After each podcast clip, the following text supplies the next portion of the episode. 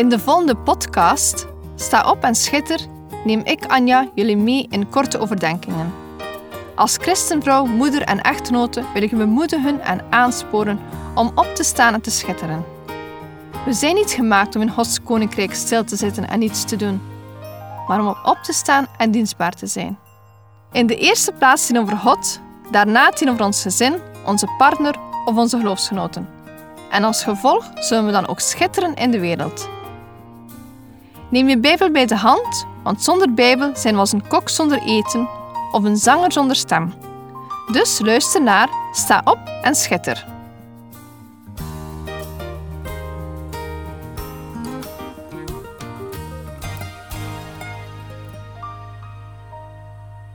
We zijn vandaag aangekomen in uitzending 109. Ik wil het hebben over balans. Ik weet niet hoe jullie het leven ervaren, maar vaak verlang ik naar meer balans in mijn leven. Ik heb geregeld periodes die naar mijn gevoel te druk zijn. Ik voel me dan als een lege batterij. Om mezelf terug in balans te krijgen na een drukke periode, kies ik voor een rustperiode. Ik neem tijd voor mezelf. Ik ga dan wat in mijn tuintje werken of neem een goed boek. Maar het allerbelangrijkste vind ik dan toch slaap. Als ik uit balans ben, voel ik dit in mijn keel. Vroeger luisterde ik niet naar mijn lichaam, waardoor zo'n periodes geregeld eindigden met een keelontsteking. Dit probleem heb ik niet meer. Wanneer ik keelpijn voel opkomen, ga ik rusten. Niet alleen rusten, maar echt slapen. Uiteindelijk krijg ik mezelf zo weer in balans. Slaap en rust zorgen ervoor dat mijn batterij weer opgeladen is. Ik heb steeds het gevoel dat mijn leven een zoektocht is naar de juiste balans. De balans tussen rust en inspanning, controle en loslaten, comfort en risico, volgen en lijden, spreken en zwijgen, delen en houden, meer en genoeg, alleen en samen, geloof en werken, geduld en daadkracht, zijn en worden. Balans. Ja, ik moest er laatst ook aan denken tijdens mijn boodschappen. Mijn boodschappenkarretje had een gebogen wiel. Het was zo vervelend om het boodschappenkarretje rechtdoor te laten rijden. Tegen de tijd dat mijn boodschappen in de auto lagen, beloofde ik mezelf voortaan beter te kijken bij het kiezen van een winkelkarretje. Balans is in veel opzichten zeer belangrijk, denk maar aan je auto. Wielen die uit balans zijn, kunnen tijdens het rijden vervelende trillingen veroorzaken. Ook leidt dit tot voortijdig slijtage van de ophangen en stuuronderdelen, roterende onderdelen en banden. Ik worstel wel eens met de balans in mijn leven. Er komt zoveel op mij af. Mijn leven is gevuld met een job, mijn huishouden, kerk en ontspanning. Binnen deze vier groepen heb ik steeds keuzes te maken. Hoeveel tijd besteed ik eraan? Wat is nu het belangrijkste? Wat doe ik wel en niet? Balans is een begrip dat we niet letterlijk in de Bijbel terugvinden. Maar als ik het leven van Jezus bekijk, dan is Hij wel een voorbeeld. Zijn dagen waren steeds goed gevuld met prediken, genezen en rust. Hij koos steeds voor een goede balans. In Marcus 1, vers 29 tot en met 39 lezen we hiervan een prachtig voorbeeld. Er staat: En toen zij uit de synagoge gegaan waren, gingen zij meteen naar het huis van Simon en Andreas, met Jacobus en Johannes. En de schoonmoeder van Simon lag met koorts op bed. En zij spraken meteen met hem over haar.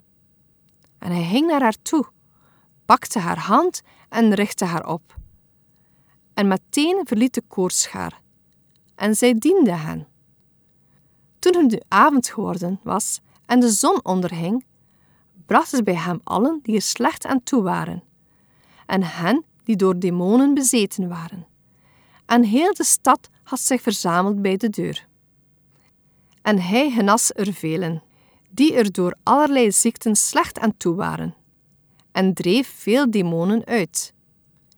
En hij liet de demonen niet toe te spreken, omdat zij hem kenden.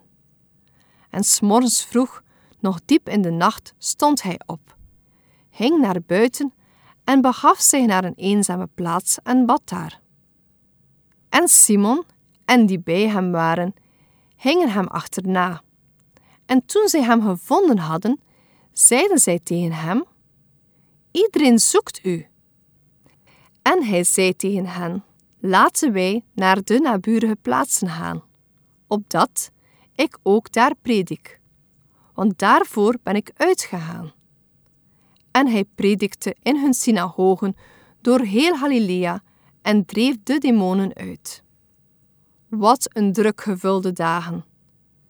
Eerst predikte Jezus in synagoge, daarna ging hij naar het huis van Simon, waar hij de schoonmoeder van Simon genas. Dan lezen we hoe de hele stad voor zijn deur stond. Veel mensen verlangden naar genezing. Jezus deed wat van hem verwacht werd. Heel veel mensen werden die dag, zowel lichamelijk als geestelijk genezen door Jezus. Na een korte nacht stond Jezus vroeg op om te bidden op een afgelegen plek. Daar kreeg hij te horen van Simon dat iedereen hem zocht. En Jezus zei niet: Laat ze maar weten waar ik ben, of Laat ze maar komen. Nee, hij zei tegen hen: Laten wij naar de naburige plaatsen gaan, omdat ik ook daar predik. Want daarvoor ben ik uitgegaan. En hij predikte in hun synagogen door heel Galilea en dreef de demonen uit. Jezus zei eigenlijk nee, zodat hij ja kon zeggen tegen wat belangrijker was. Andere mensen hadden het evangelie nog niet gehoord, dus trok hij verder. Een wijze les voor ons. Wij mogen ook, als het gaat om christelijk werk, nee zeggen. Sinds we in de bediening staan, hebben we al vaak gemerkt dat er soms personen op ons pad kwamen die ons weghielden van het doen wat God van ons verwachtte. Ze steelden onze tijd en energie. Het is een valstrik en moeilijk om te herkennen.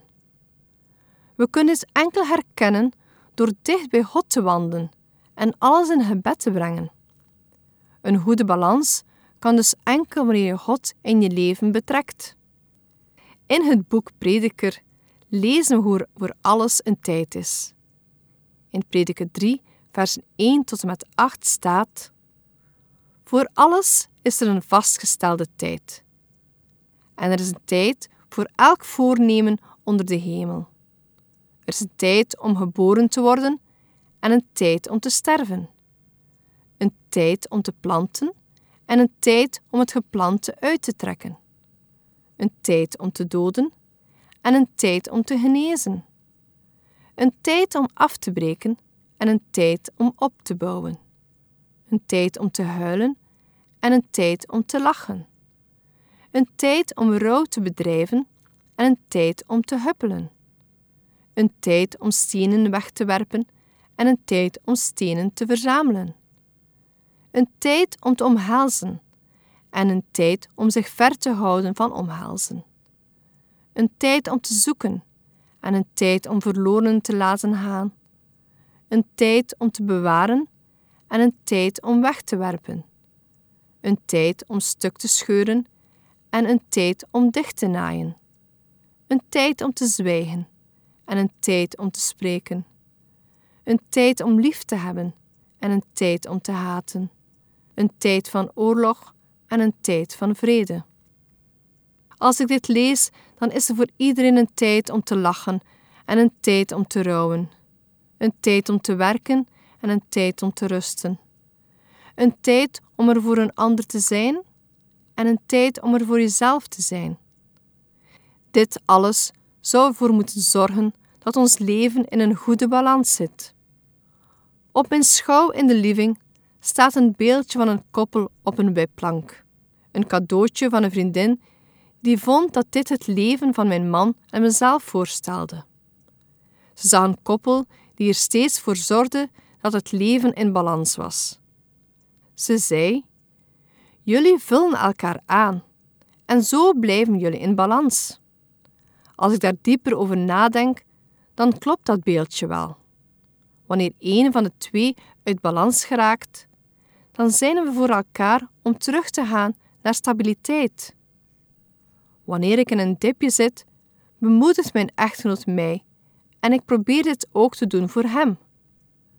Relaties zijn belangrijk om een leven in balans te hebben. In een christelijk huwelijk spreekt men van een drievoudig snoer die niet gebroken kan worden. Het derde snoer stelt Jezus voor.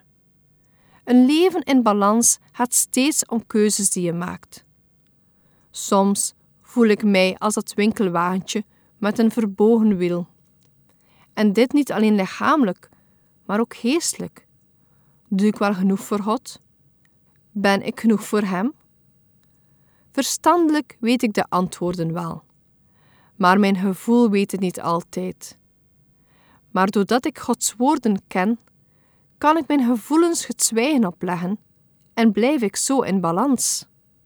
Job is voor mij een voorbeeld. Hij maakte zoveel mee en bleef stabiel als het gaat om zijn geloof. Na de oneerlijke aanvallen van zijn vrienden zocht Job een gelijk evenwicht.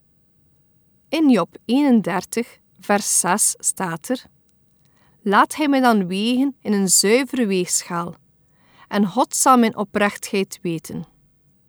Stel je deze zin eens voor. Hij vraagt eigenlijk om zijn leven in een oude weegschaal te leggen. Aan de ene kant zijn leven en aan de andere kant het oordeel van God. Job wou aantonen dat zijn leven in balans was met wat God van hem vroeg. Een gezond geestelijk leven in balans krijg je dus door Gods woord te bestuderen en te onthouden. Conclusie. Als ons leven aanvoelt als dat winkelwagentje met een verbogen wiel, dan wordt het hoog tijd dat we op zoek gaan naar de juiste balans in ons leven. We mogen verlangen naar een leven in balans. En we kunnen dit enkel door een leven te leiden dat God voor ons bedoeld heeft. Zoek de wil van God en luister naar zijn stem. Dan zul je kunnen opstaan en schitteren. Deze podcast kun je steeds opnieuw beluisteren via de website en app van twr.be. Als je deze aflevering leuk vond en je wilt de podcast helpen ondersteunen, deel hem dan met anderen. Heb je gebed nodig of wil je reageren op deze uitzending? Zend dan gerust een mailtje naar anja.twr.be. Bedankt voor het luisteren.